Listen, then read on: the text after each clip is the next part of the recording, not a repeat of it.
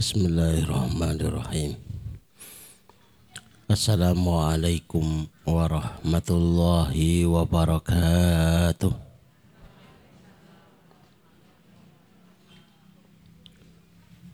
الحمد لله رب العالمين والصلاة والسلام على أشرف الأنبياء والمرسلين وعلى آله وأصحابه wa man tabi'ahum bi ihsanin ila yaumiddin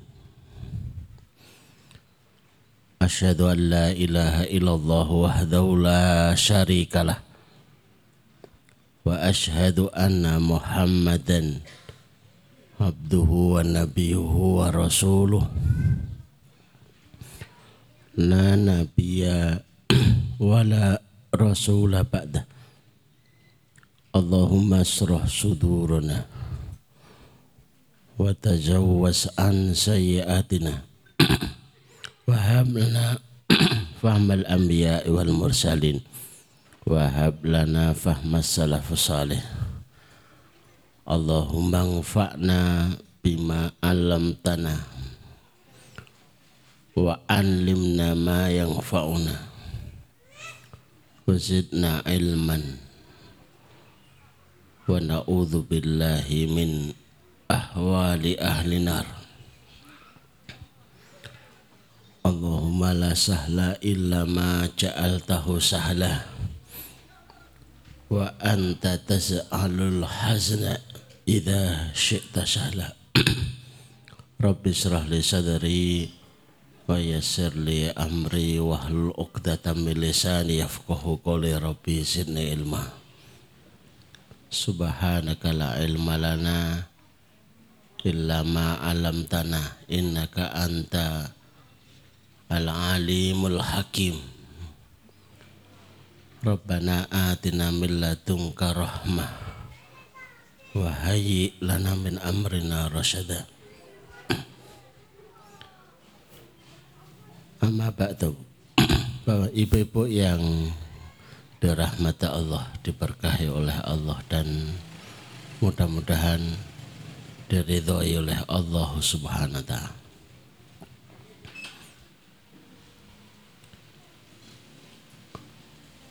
Awal yang luar biasa. Dan kita mulai berbicara tentang keluarga karena sebenarnya dalam keluarga itu ada kekuatan. Beberapa kali disebut, beberapa kali disinggung, maka tidak berlebihan ketika Rasulullah menyebut sebuah kalimat yang simpel. Khairukum khairukum li ahli yang terbaik di antara kalian yang terbaik di keluarganya. Coba kalau kalimatnya itu yang terbaik di antara kalian, yang terbaik dalam satu RT. Kan susah. Yang terbaik di antara kalian, yang terbaik dalam satu kota. Repot juga. Ternyata lebih sederhana sebaik apa pun itu awalannya itu adalah keluarga. Perubahan sehebat apa pun itu mulainya dari keluarga. Maka ketika Islam pertama sampai di Makkah, Rasulullah tidak woro-woro kepada saudara, kepada tau, eh, kepada tetangga. Siapa pertama yang menyambut Islam? Ibunda Khadijah. Siapa yang kedua?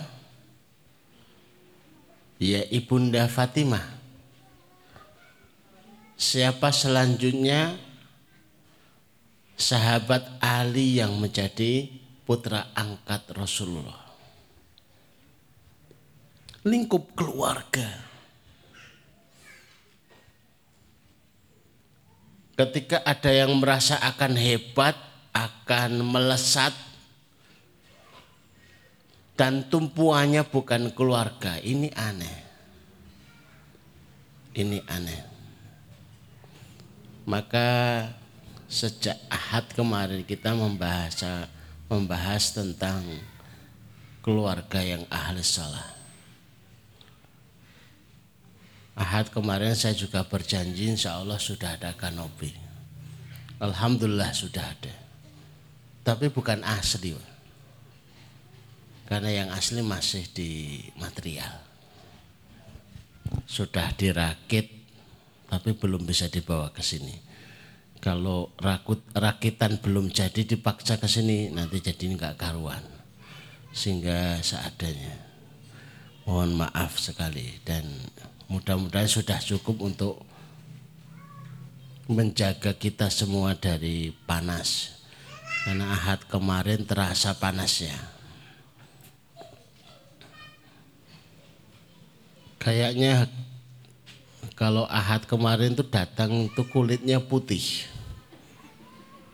tapi begitu selesai kok jadi abang ini apa ternyata kepanggang Yang saya inginkan pribadi bahwa ibu-ibu itu punya sesuatu yang sangat diandalkan di rumah. Maka tidak membahas yang neko-neko. Saya juga nggak membahas sabar, yo nggak membahas yang kelihatannya itu berat untuk dilakukan. Tapi yang kira-kira bisa menopang keluarga itu bangkit apalagi dalam kondisi pandemi seperti ini. Apa yang bisa dilakukan bagi keluarga itu? Sehingga full yang dia miliki energinya itu bisa terpakai semuanya. Dan salah satunya sholat. Kerasanya itu kok sahdu tiba-tiba kemudian hajat pengen segera buat rumah mosok sudah delapan tahun kok ngontrak saya tidak tahu di sini bu tapi di kampung saya itu ceritanya kucing kalau ngontrak delapan kali kesembilannya itu rumah. Masa ada rekor lebih baik daripada kucing? Kontraktor lima ah, sembilan tahun. Pom pinten tahun ngontrak? Ngontrak sepuluh tahun. Kok rekornya lu apa bang kucing?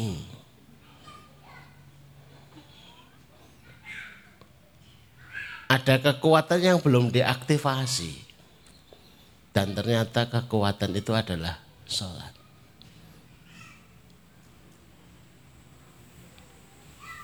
ada beberapa keluarga yang bingung piye ya kok ora iso berubah gitu loh. Perasaan sudah segala cara dilakukan tapi begini-begini saja. Pekerjaan ya begitu saja. Tidak ada perubahan demi perubahan. Maka mulailah dari sholat. Karena sholat itu awalu ma yuhasabu indallah. Yang pertama akan dihisap Allah itu ya sholat. ketika panjangan ditanya bagaimana bisa mendapatkan mobil kami sholat bagaimana bisa mendapatkan rumah kami sholat bagaimana kok anak-anaknya bisa sekolah semuanya? Padahal itu butuh biaya yang besar. Kami sholat. Itu kan senang. Ternyata sholat itu tidak semata sebuah rutinitas, semata sebuah kebiasaan begitu saja. Yang hari Ahad belum datang kemarin silahkan di, dicoba. Kalau nggak dicoba nggak ngerti hasil yang sesungguhnya. Ternyata sholat kalau sendiri itu jauh dibandingkan kalau sholat itu bareng-bareng. Sekalipun itu hanya dua rakaat sholat duha. Sekalipun itu hanya satu rakaat witir. Sekalipun hanya dua rakaat sholat hajat. Tapi dilakukan keluarga itu luar biasa. Kita sebentar lagi mau kurban. Orang-orang yang dikorban ke. Masa mau korban perasaan lagi? Ayo pak sholat. Ayo anak-anak sholat. Kenapa sholat bu? Minta sama Allah biar kita dikasih rezeki untuk bisa berkorban. Masya Allah. Luar biasa. Akhirnya kebentuk di setiap urusan. Terbentuk se setiap hajat. Saya cerita, kalau cerita pribadi itu kadang susah dibuktikan percayanya. Saya dulu pengen punya rumah, itu ya sholat. Ya Allah, kulo pengen griyo. Besar. Di belakang saya istri saya tingkat. Ya. Anak pertama ada kolam ikannya. Ya. Anak yang kedua kolamnya apa halamannya luas. Nggih. Setanten niku wow, wow ya Allah. Amin. Amin. Itu kayaknya dolanan. Tapi ketika ibu-ibu datang ke rumah kami, duh, omahnya kok gede Zat. Kok lantai dua? Kok ada kolam ikannya? Kok halamannya luas? Yang nggak ngerti itu karena kehebatan kami enggak. Kalau bisa kami tularkan ke banyak keluarga, itu selalu kami tularkan. Setiap yang tanya, niki tumbasnya tos pundi. Sini dulu saya jelaskan. Ternyata ada kekuatan yang kedua bernama yaitu doa. Nah, yang kedua kali itu sedekah sedekah. Nah, saya tahu kalau bicara sedekah itu tidak identik harus banyak karena keluarga. Tapi bagaimana itu menjadi kebiasaan, menjadi pola, kemudian bapak, ibu, anak itu terlatih. Menjadikan sodakoh itu sebagai jalan tawakalnya kepada Allah. Saya buatkan materinya enggak banyak. Pikiran saya masih kalau banyak panas. Tapi ternyata sudah ada teratanya. Yang pertama orang yang sodakoh itu jaminannya aman. Seorang ibu-ibu itu datang ke tempat kami. Itu nomor berapa? Orang tak nomori Jauh apa enggak Asad? Kalau jauhnya ya Jawa Timur kan. Ustadz saya itu kena kista. Terus ada miomnya. Hmm. Tidak dipanggil suaminya. Akhirnya bapaknya rawuh biasanya kalau seperti ini urusannya sama bapak. Miom itu terjadi, kista itu terjadi karena ada salah antara istri dengan suaminya atau sebaliknya. Jenengan minta maaf sama suaminya. Enggak mau bu. Loh kok saya yang minta maaf saat? Oh yang sering salah itu suami. Itulah kesalahan panjenengan.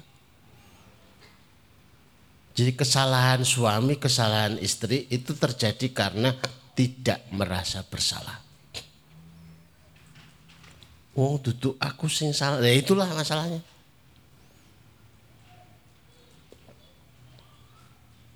Mau memaafkan ya?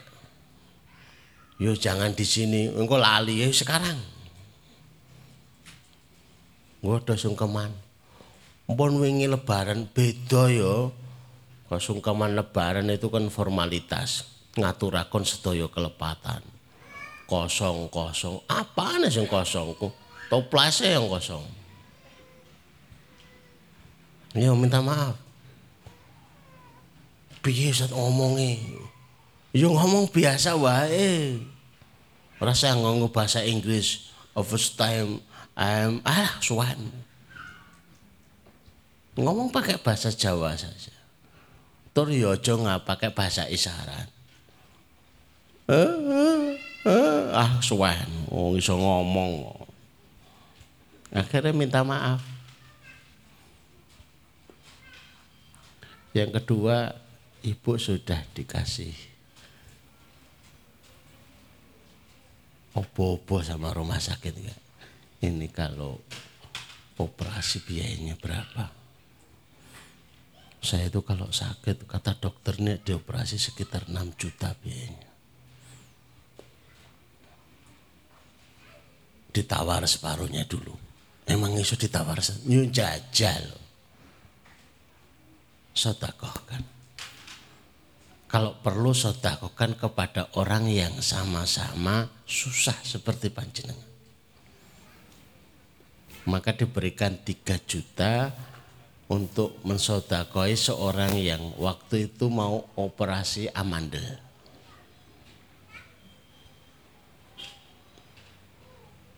Satu bulan kemudian beliau cerita, saya waktu itu ada di Jakarta. Ustadz, Alhamdulillah kista sama meongnya bersih total. Lah itu caranya gimana? Saya juga ngerti saat. Tapi setelah saya sodakohi, Masya Allah. Ternyata sodakoh itu aman. Jaminannya itu loh. Itu yang sakit miom, yang sakit kista. Yang dihitung banyak lagi itu COVID. Dulu kalau dengar positif itu kita senang. Ibu panjenengan positif, Alhamdulillah. Tapi sekarang sedih. Bu jenengan positif, wah. Berarti mau dikarantina. Kalau dulu positif kan nggak dikarantina, sekarang positif dikarantina ada cara baru yang saya resepkan. Dibantu teman-teman. Ibu positif. Oke Ustaz. Kula pada mboten tante pundi-pundi. Kula jarang lunga-lunga. Mung ten pasar mawon lagi niku. Ten pasare kula jarang-jarang kok Ustaz. Namung saben enjang lagi niku pun tumas sak karung beras. Didar niku mboten. Sak karung dibetot dan panti asuhan dibawa ke rumah tahfid dibawa ke tempat-tempat yang biasa ngurusi orang-orang susah itu. Mau nggak ketemu ya dibagi sama tetangga-tetangga. Niatkan ya Allah sembuhkan kami Walhamdulillah itu sembuh. Satu karung itu pinten pinten kilo bu. Pinten bu. 25 kilo niku nek normal ya. Nek mboten normal 10 kilo nggih. Sementing kan sak karung, tapi sudah dikurangi. Cuma gitu tok. Maka panjenengan yang ikut pengajian Jumat sore itu sudah kedatangan dari pemerintah dari kabupaten.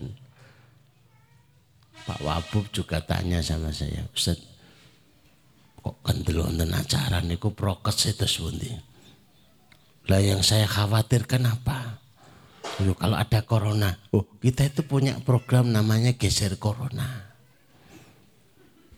jadi kalaupun ada corona di tempat kita, sudah saya geser. Gak tak suruh pergi. Oh gak tahu rumahnya. Tapi kita geser. Bagaimana cara gesernya? ya pakai sodako atau sembako sembako pasar gratis jenengan mengira itu jenengan yang butuh enggak yang butuh itu kita terutama yang di sini cara ngusirnya pakai sodako itu karena kalimatnya qad aflaha man tazakka sungguh pasti benar-benar selamat ini termasuk di tempat kita itu protokol keselamatan. Ternyata ternyata protokol kesehatan kalah sama protokol keselamatan. Nomor satu sotako. Kalau ada paceklik, saya ceritanya agak panjang karena ini jaminan aman. Saya itu pernah punya teman di daerah Sumowono.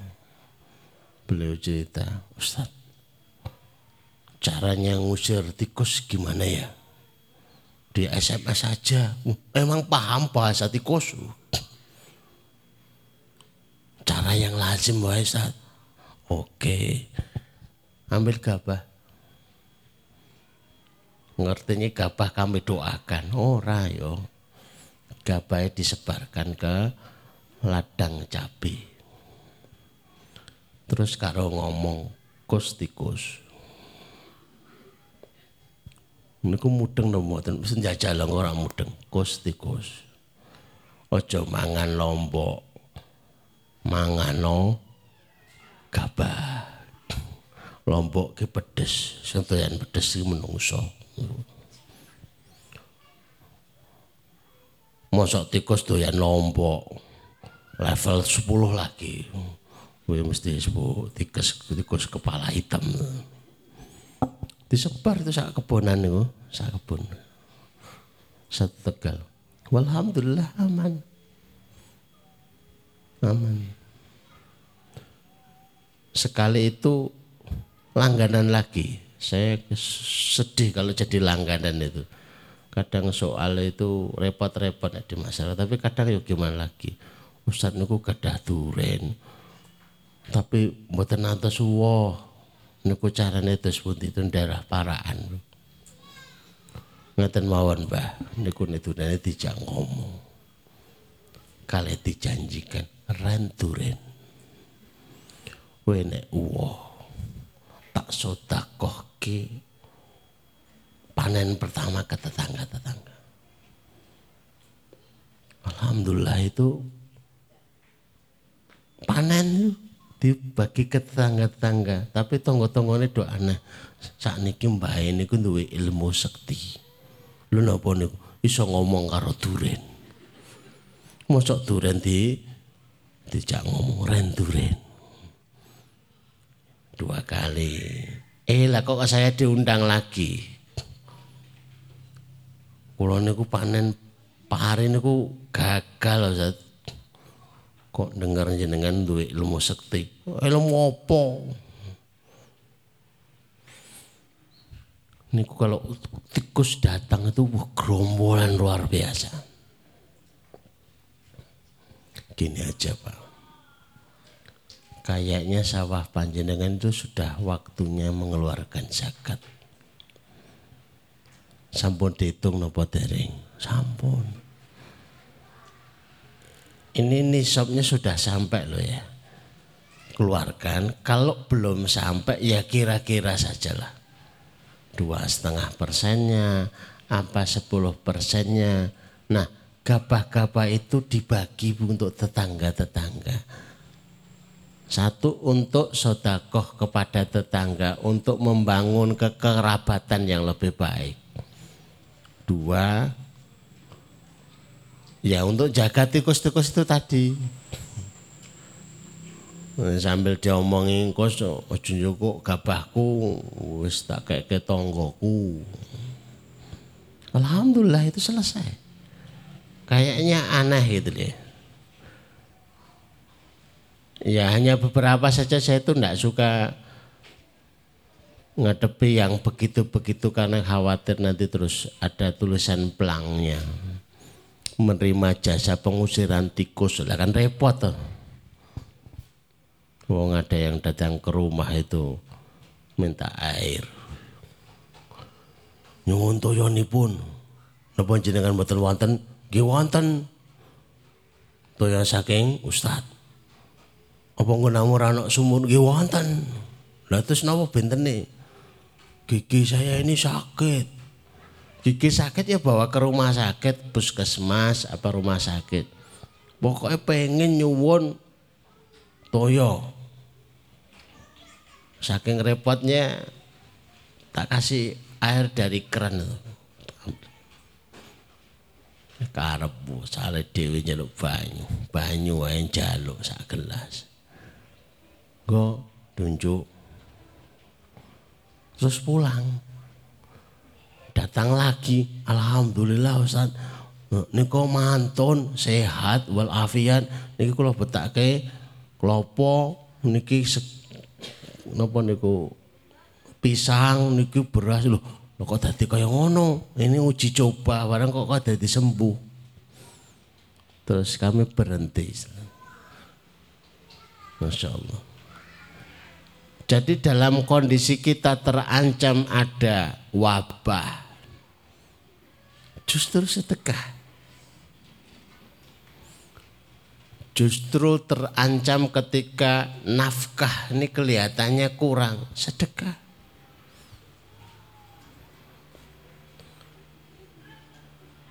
Saya pernah diajak ke Jepara. Ada sebuah BMT, Ustadz BMT kami itu sudah punya 25 cabang. Nah terus ini kayaknya terancam untuk gulung tikar. Adakah saran dari Ustadz? Di hadapan seluruh karyawan semua.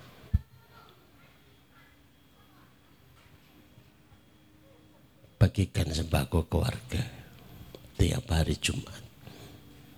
Mohonlah kepada Allah agar dijaga oleh Allah.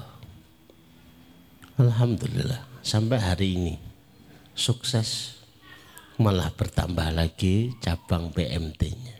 Allah Akbar. Jadi memberi bersedekah sebagai jaminan aman itu bukan sesuatu yang dari sekarang tapi sejak dulu. Saya tambah ceritanya. Tidak perlu khawatir ibu-ibu kesiangan. Lu nggak ada jamnya kok. Rasulullah itu dikabari malaikat orang yang akan lewat ini akan meninggal. Ternyata orang itu orang Yahudi. Pulang-pulang itu mikul kayu. Dicegat sama Rasulullah. Coba taruh kayunya. Dibongkar ada ular berbisanya lagi apa itu nyatok kayu. Ular ini harusnya gigit Yahudi itu. Kok bisa-bisanya keliru kayu? Kok bisa-bisanya menjadi sebab keselamatan bagi dia? Jadi sebab aman. Saya tanya, mboten saya tanya ya, riwayatnya apa yang kamu lakukan ketika berangkat?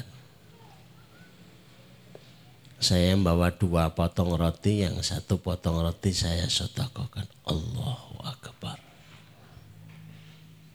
Menyelamatkan. Saya pernah tanya di pengajian keranggan dia. Miladnya Assalam di hadapan 2000 orang saya tanya, Bapak Ibu kalau ada orang meninggal, hampir meninggal, sekarat, tiba-tiba beliau bersodakoh, itu jadi meninggal enggak? Nah ibu-ibu saya akan jawab. Nah pernah datang itu bisa jawab. Ada ibu-ibu mau meninggal, sudah tanda-tandanya, sudah ketahuan dua sosok malaikat yang ketahuan dia saja yang melihatnya, yang lain nggak ngelihat, bukan ustazah, wong ora apa. Meninggal apa batin bu? Pertanyaannya kok susah men ya? Ngerti ngono aku ora mangkat pengajian. Ditekoni pertanyaan susah mari ngeleh, mari lapar. Ada orang mau meninggal, tahu-tahu dia sodakoh. Sodakohnya besar lagi, meninggal enggak? Mboten. Dan di mana tahu ayatnya. Wa angfiku. Dan bersodakohlah, berinfaklah dari rezeki yang Allah sodakoh, yang Allah berikan kepadamu. Mengkobeli ayat dia sebelum datang kematian kalau datang kematian laula akhartani ila ajalin qarib ya Allah berikan kami tangguh hidup sebentar saja. Buat apa? La asadako aku akan bersedekah. Itu sebuah sinyal bahwa usia seseorang itu habis sebatas catatan usianya yang keduanya usia seseorang itu habis karena jatah rezekinya habis. Kalau seseorang itu bersodakoh rezekinya habis enggak? Harusnya jam 10 habis. Le malah jenengan sodakoh. Malaikat gue bingung godok-godok. Iku entek iki. Lah kalau malah ngisi meneh kan harus dibalas juga kan. Wah ini sodakonya harus dibalas, balasnya ora cukup. Wong nggak langsung seketika. Maka jenengan jauh perlu kita itu nggak perlu kita khawatir. Aku sedekah ora diwales-wales, kok diwales entek usiamu. Alhamdulillah diwalesnya sidik-sidik. Sehingga bisa bertambah usia, bertambah usia. Alhamdulillah. Ternyata pertambahan usia itu sebabnya adalah karena sodakoh. Katanya silaturahim. Man yuridu ayyansa firizkihi wa yuakhira fi ajalihi falyasil rahimahu. Siapa-siapa yang ingin diluaskan rezekinya, dipanjangkan usianya, maka sambunglah silaturahim. Ibu-ibu biasa silaturahim napa mboten? Biasa nggih. Garingan napa mboten? Teko jam pitu ngantek jam songo belas garingan. Wong jenengan yang baru datang langsung disuguh teh kok. Pun disiapke soto, Kalau nggak dapat ya tinggal disikut. Nanti malah ke soto. Masih disiapkan nasi bungkus. Alhamdulillah. Itu kalau mau lebih kita kasih lebih. Tiap Jumat kita itu membuatnya 2200 Ya gara-gara saya tertarik begitu itu. Orang Semarang yang dimasukkan itu ya saya maksudnya. Karena itu pekerjaan kita beberapa tahun dulu. Kita bagi ke masjid-masjid, kita bagi ke beberapa sekolahan. Ternyata hasilnya luar biasa Bu. Masjid yang biasanya 100 gara-gara dikasih nasi bungkus bisa sampai 200 ternyata pahala sholat Jumat kalah sama pahala nasi bungkus.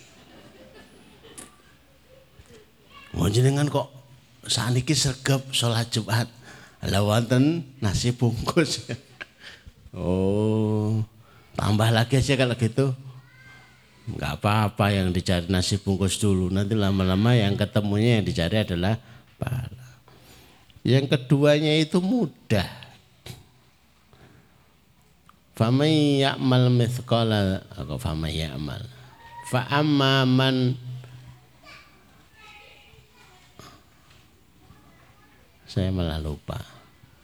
Di surat Al-Lail itu. Banyak ada yang ingat. Fa amma man a'ta wattaqa wasaddaqa bil husna fasanu yassiruhu lil yusra. Kaidahnya begitu. Rumusnya begitu. Hidup nggak pakai rumus itu sering kecelek.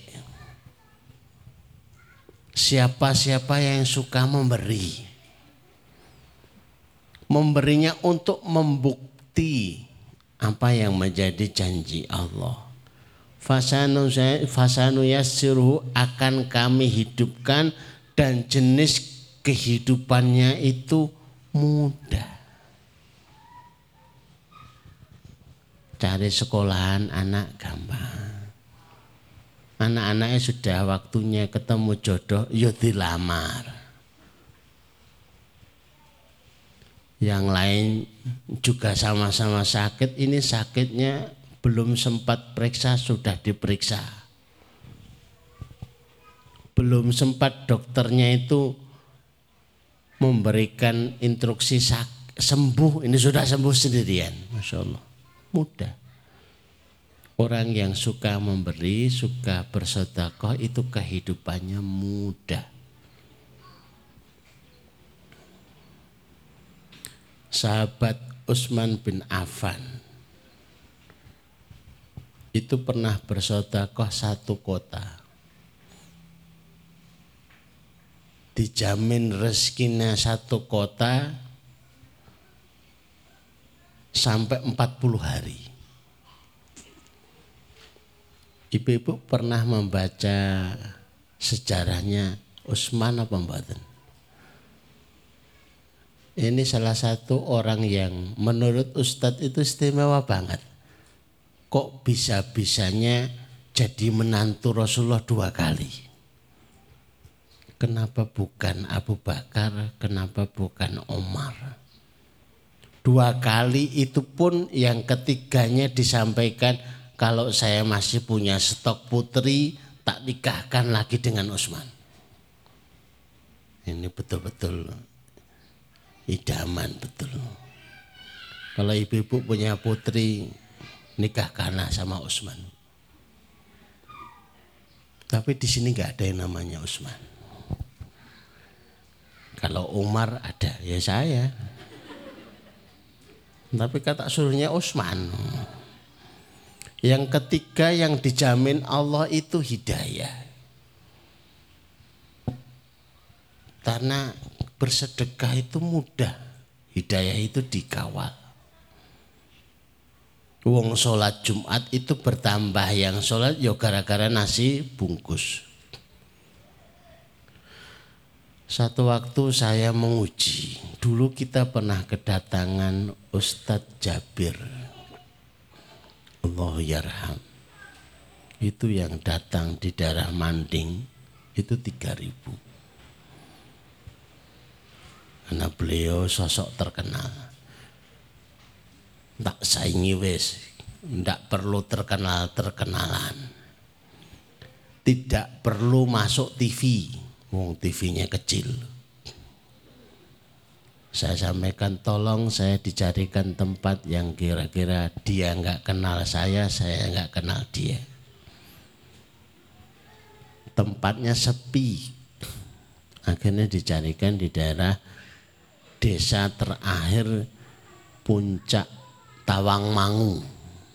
Jadi Tawangmangu dicari masih yang paling puncak. Terus dibuat pengajian. Tapi pengumuman kedua akan dibagikan 2.500 sembako. Menurut ibu-ibu yang datang berapa bu? Itu sampai Bupati Karanganyar datang. Yang datang 3.000 bu. Enggak kenal kami. Tapi kenal sama sembako. pahala datang di tempat pengajian itu kalah dengan pahala sembako. Ora peduli pahala nih pengajian, sepenting mulai nggawa berkat. Sembako. 3000 sembako, 2500 sembako yang datang ya segitu.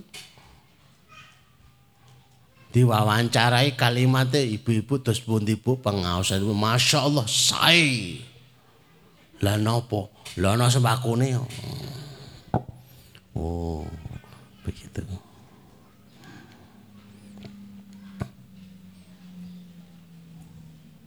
Ini yang dilatih oleh ibu-ibu bersama keluarganya. Sedekah subuh. Kok nggak nunggu matahari terbit? Nek jenengan ditanya jenengan itu remen rezeki cepet napa rezeki lambat? Yo cepat jenengan pengen rezeki subuh nopo rezeki setelah matahari terbit. Ada orang datang ke rumah panjenengan, Bu, saya mau bagi uang. Alhamdulillah, tapi nunggu matahari terbit. Ya Allah suwine. Langsung kita ngeliatin jam mentelengi. Ngeliatin ke timur terus, eh menawa.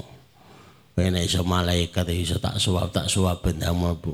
Terbit matahari saya lebih milih subuh. Karena itu awal rata-rata aktivitas manusia. Akhirnya kami pun membuat kota.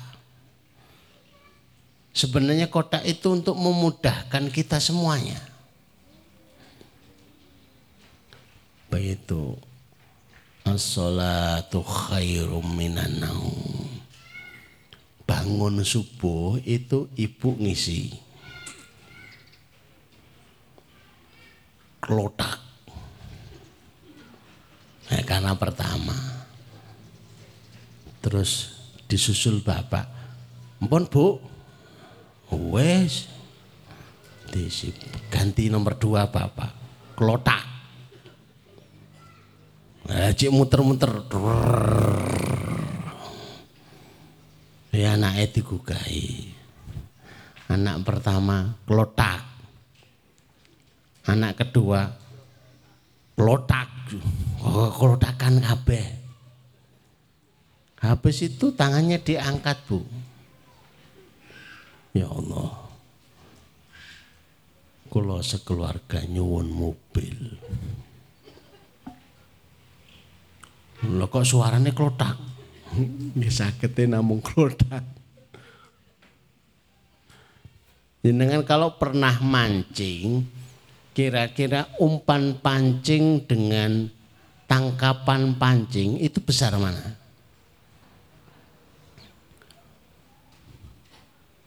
Mancingnya pakai lele, dapatnya water, kan aneh gitu loh.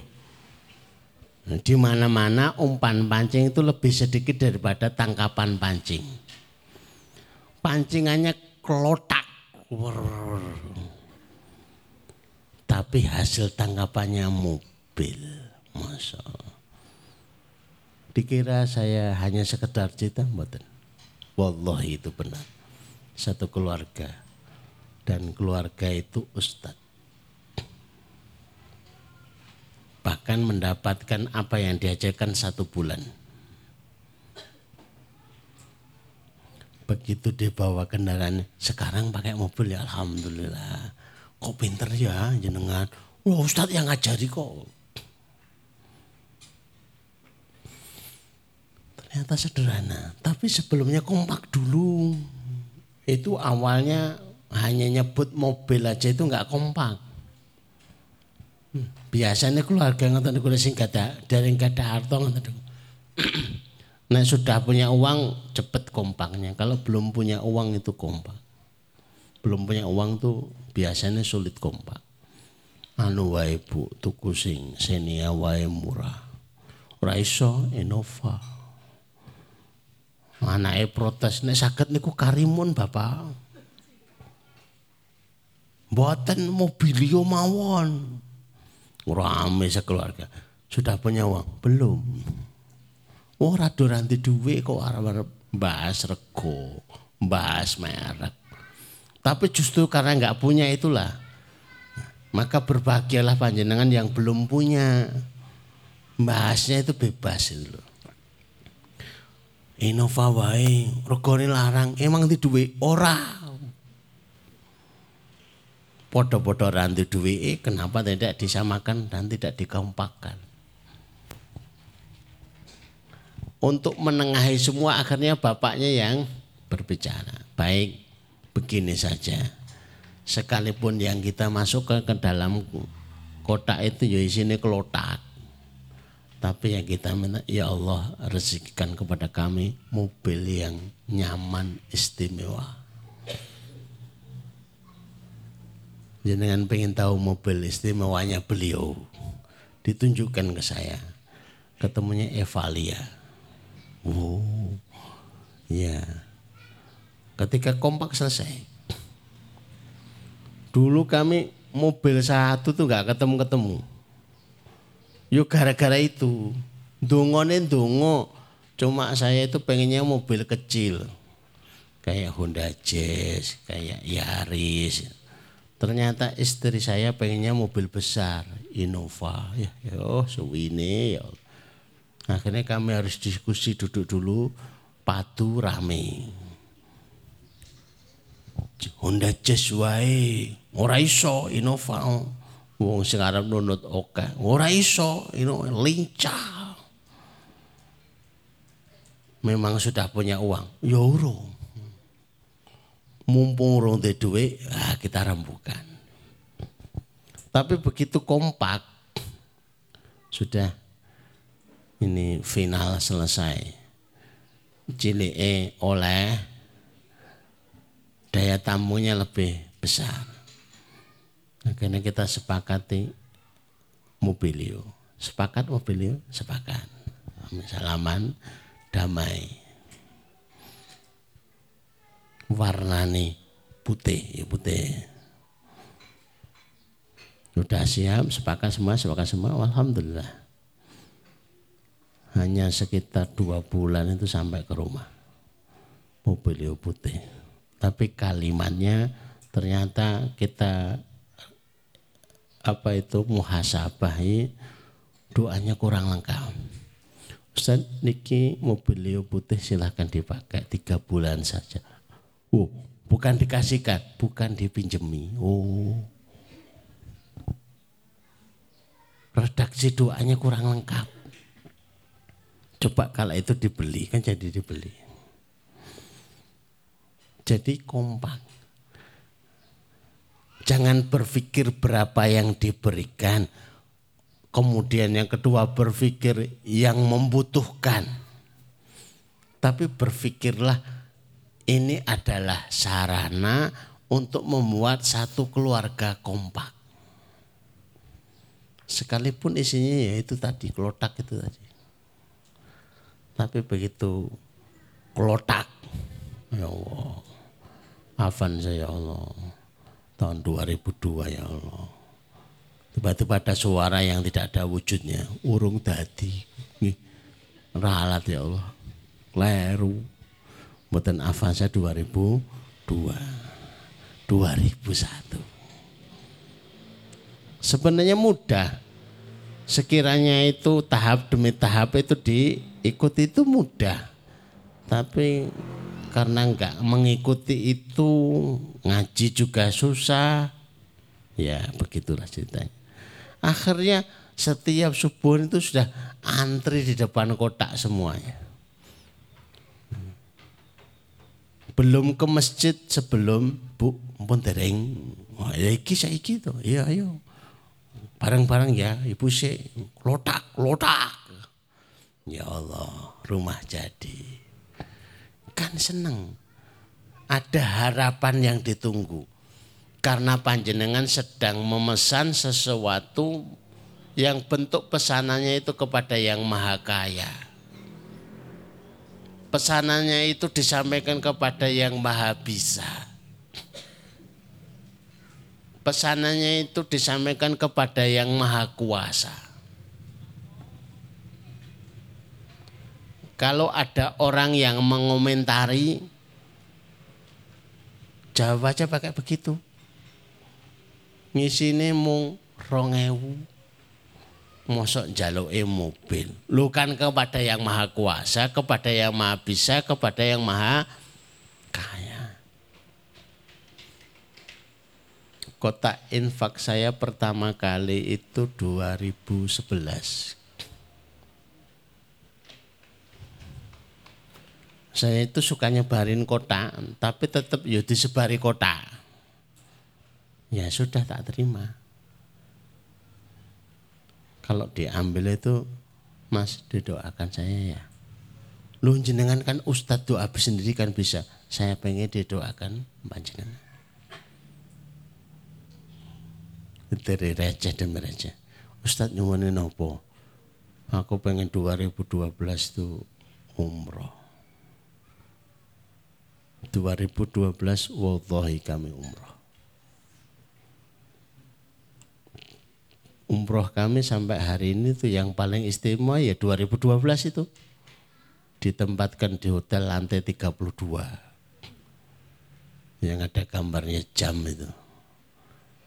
Funduk As-Sa'ah. Hotel Clock. Ternyata yang paling istimewa ya sebabnya berangkatnya itu kota.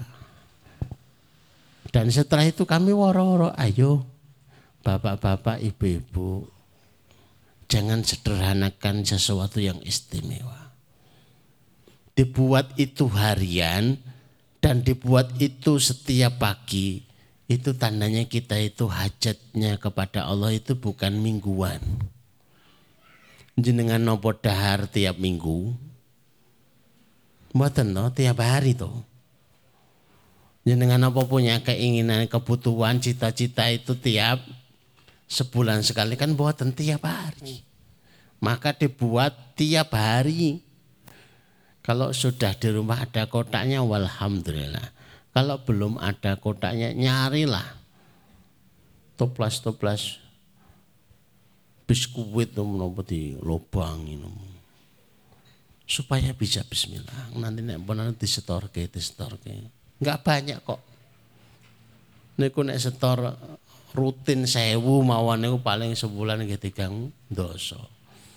Tapi yang istimewa itu bukan berapa isinya. Tapi perbuatan itu dilakukan oleh bapak, perbuatan perbuatan itu dilakukan oleh ibu, perbuatan itu dilakukan oleh anak-anak dan setelah itu ada doa. Agar apa yang disebut oleh Ibnu Qayyim bahwa doa yang mustajab itu adalah setelah amal soleh. Ilaihi yas'adul kalimut tayyibu. Kepada Allah itu naik kalimat-kalimat yang baik termasuk doa-doa kita. Wal amalu salihu yarfa'uh. Amal soleh itu yang menaikkannya. Surat Fatir ayat yang ke-10. Bahkan Muhammad bin Munabih menjelaskan di dalam tafsirnya orang yang berdoa tanpa diikuti amal soleh itu seperti memancing tapi tidak pakai umpan. Ini dengan atas tumon mancing orang nganggo umpan. Di kolam lele sekalipun itu nggak ketemu mancing tok orang gau modal. Sekiranya ada lele yang kesangkut itu bukan lele yang bersengaja. Tapi lele yang kesangkut. Ketika diwawancarai lele, kenapa kamu nggak ada umpannya kok tetap dimakan? Iya, ini khilaf. Saya pulang dari pengajian. Tak kira kuwi pegangan ternyata pancing. Akhirnya ketangkap. Maka butuh disamakan di dalam doa kita sekalian. Justru ini yang paling pokok ibu-ibu yang dirahmati Allah. Saya pengen banget dipraktekkan. Dan mulai ada satu dua hajat ibu-ibu bersama keluarga kemudian terpenuhi. Saya itu lebih suka kaum muslimin jadi orang kaya daripada jadi orang fakir. Kemudian kekayaannya, hartanya bisa menjadi senjata. Terus nular ke tetangga-tetangganya. Dadi wong Islam, lha? Enak dadi wong Islam. Ternyata dadi wong Islam kuwi sugih. Oh yo. Enak. Nek butuh opo-opo karek ndonga. Ndongane piye? Ndonga karo sedekah. Sahabat saya itu dari Purwokerto. Profesinya itu motivator itu kalau pergi ke mana-mana itu mampir masjid dulu. Satu kali dia masukkan uang 20 ribu. Kalau 20 ribu kan nggak kelotak. Terus sholat dua rakaat. Ya Allah, kulo hamba panjenengan sing buru pampre. Jadi diomong ke sisahan pampre. Ya Allah, aku hambamu yang masih butuh pampre yang saya masukkan 20 ribu tapi saya butuh 40 juta. Aduh men gitu Kan bebas. Ini kan ngomong sama yang maha kaya, yang maha bisa, yang maha kuasa. Terus dengan nggak dapat. Alhamdulillah Ustaz dapat 40 jutanya. Wow. Ternyata luar biasa. sesuatu yang tidak mungkin pun menjadi mungkin. Kalau yang saya ceritakan justru adik saya. Usianya 35, nyari jodoh nggak ketemu-ketemu. Tak tanya, kamu pengen suami yang istimewa apa enggak? Yang istimewa. Kalau pengen suami yang istimewa maka umpannya yang istimewa.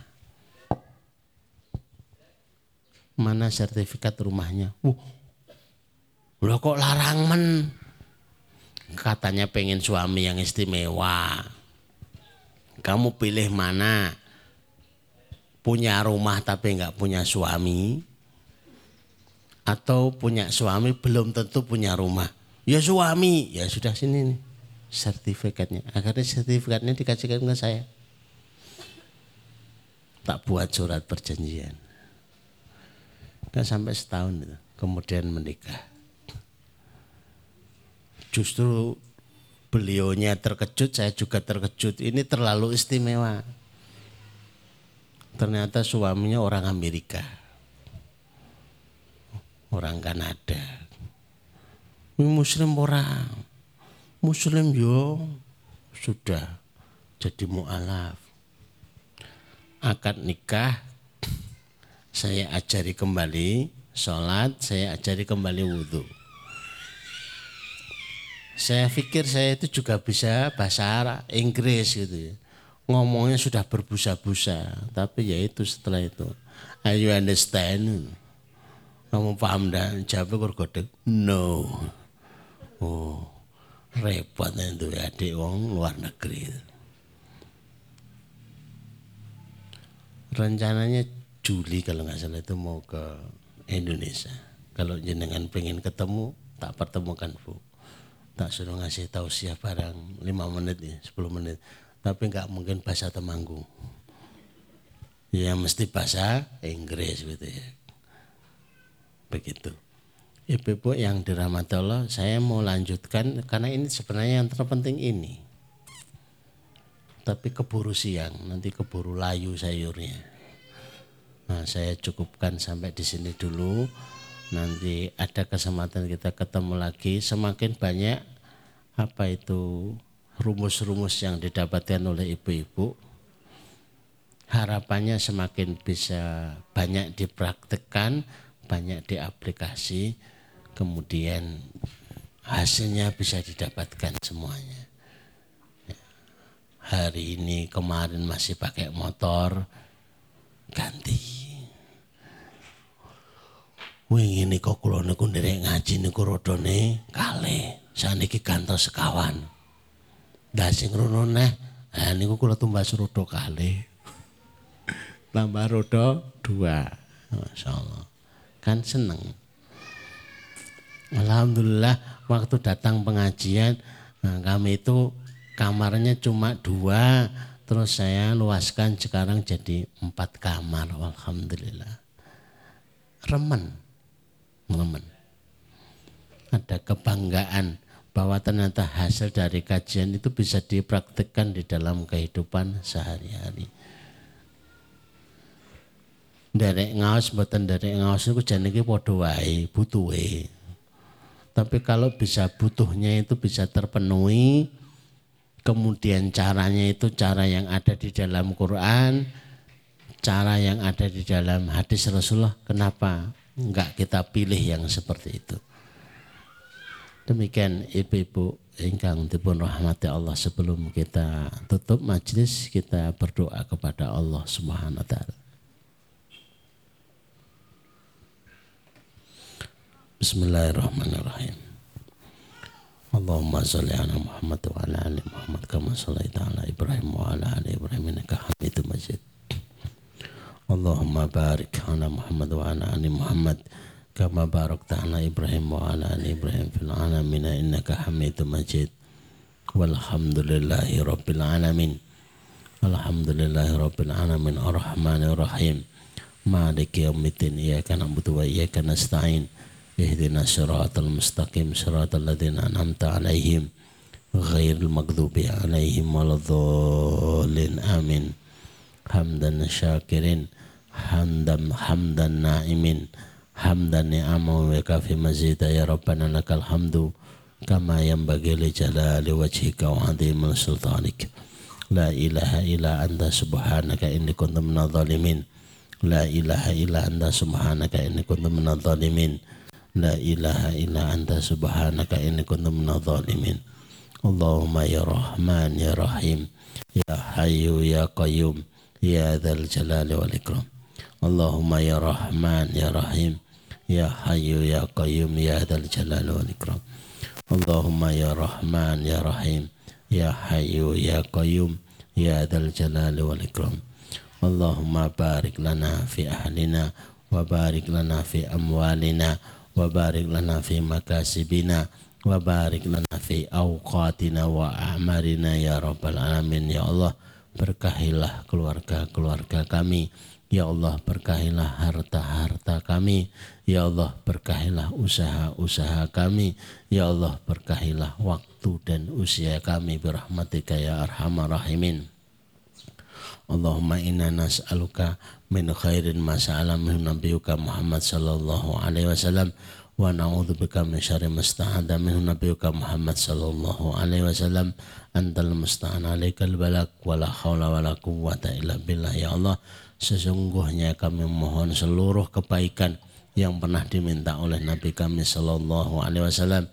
Ya Allah, sesungguhnya kami memohon segala perlindungan yang perlindungan itu pernah diminta oleh Nabi kami Shallallahu Alaihi Wasallam. Allahumma kafina bihalalika an haramika wa aghnina bifadlika aman siwaka. Ya Allah, sesungguhnya kami mohon darimu ya Allah rezeki yang halal sehingga kami tidak butuh dengan yang haram. Ya Allah, kayakan kami dengan anugerahmu sehingga kami tidak butuh kepada selainmu. Allahumma dzib hammana, Allahumma dzib hammana, Allahumma dzib hammana. Ya Allah, angkatlah masalah-masalah kami. Ya Allah, urailah problematika kami birahmatika ya arhamar rahimin. Ya Allah, tutuplah segala hajat-hajat kami. Ya Allah, Sampaikan kami kepada hajat dan cita-cita kami berahmatika ya arhamar rahimin. Rabbana atina fid dunya hasanah wa fil akhirati hasanah wa qina adzaban nar wa qina adzaban nar wa qina adzaban wa sallallahu ala Muhammadin wa ala alihi wa sahbihi wasallim. Subhana rabbika rabbil izzati amma yasifun wa salamun alal mursalin. Walhamdulillahi rabbil alamin. Aqulu. Assalamualaikum warahmatullahi wabarakatuh.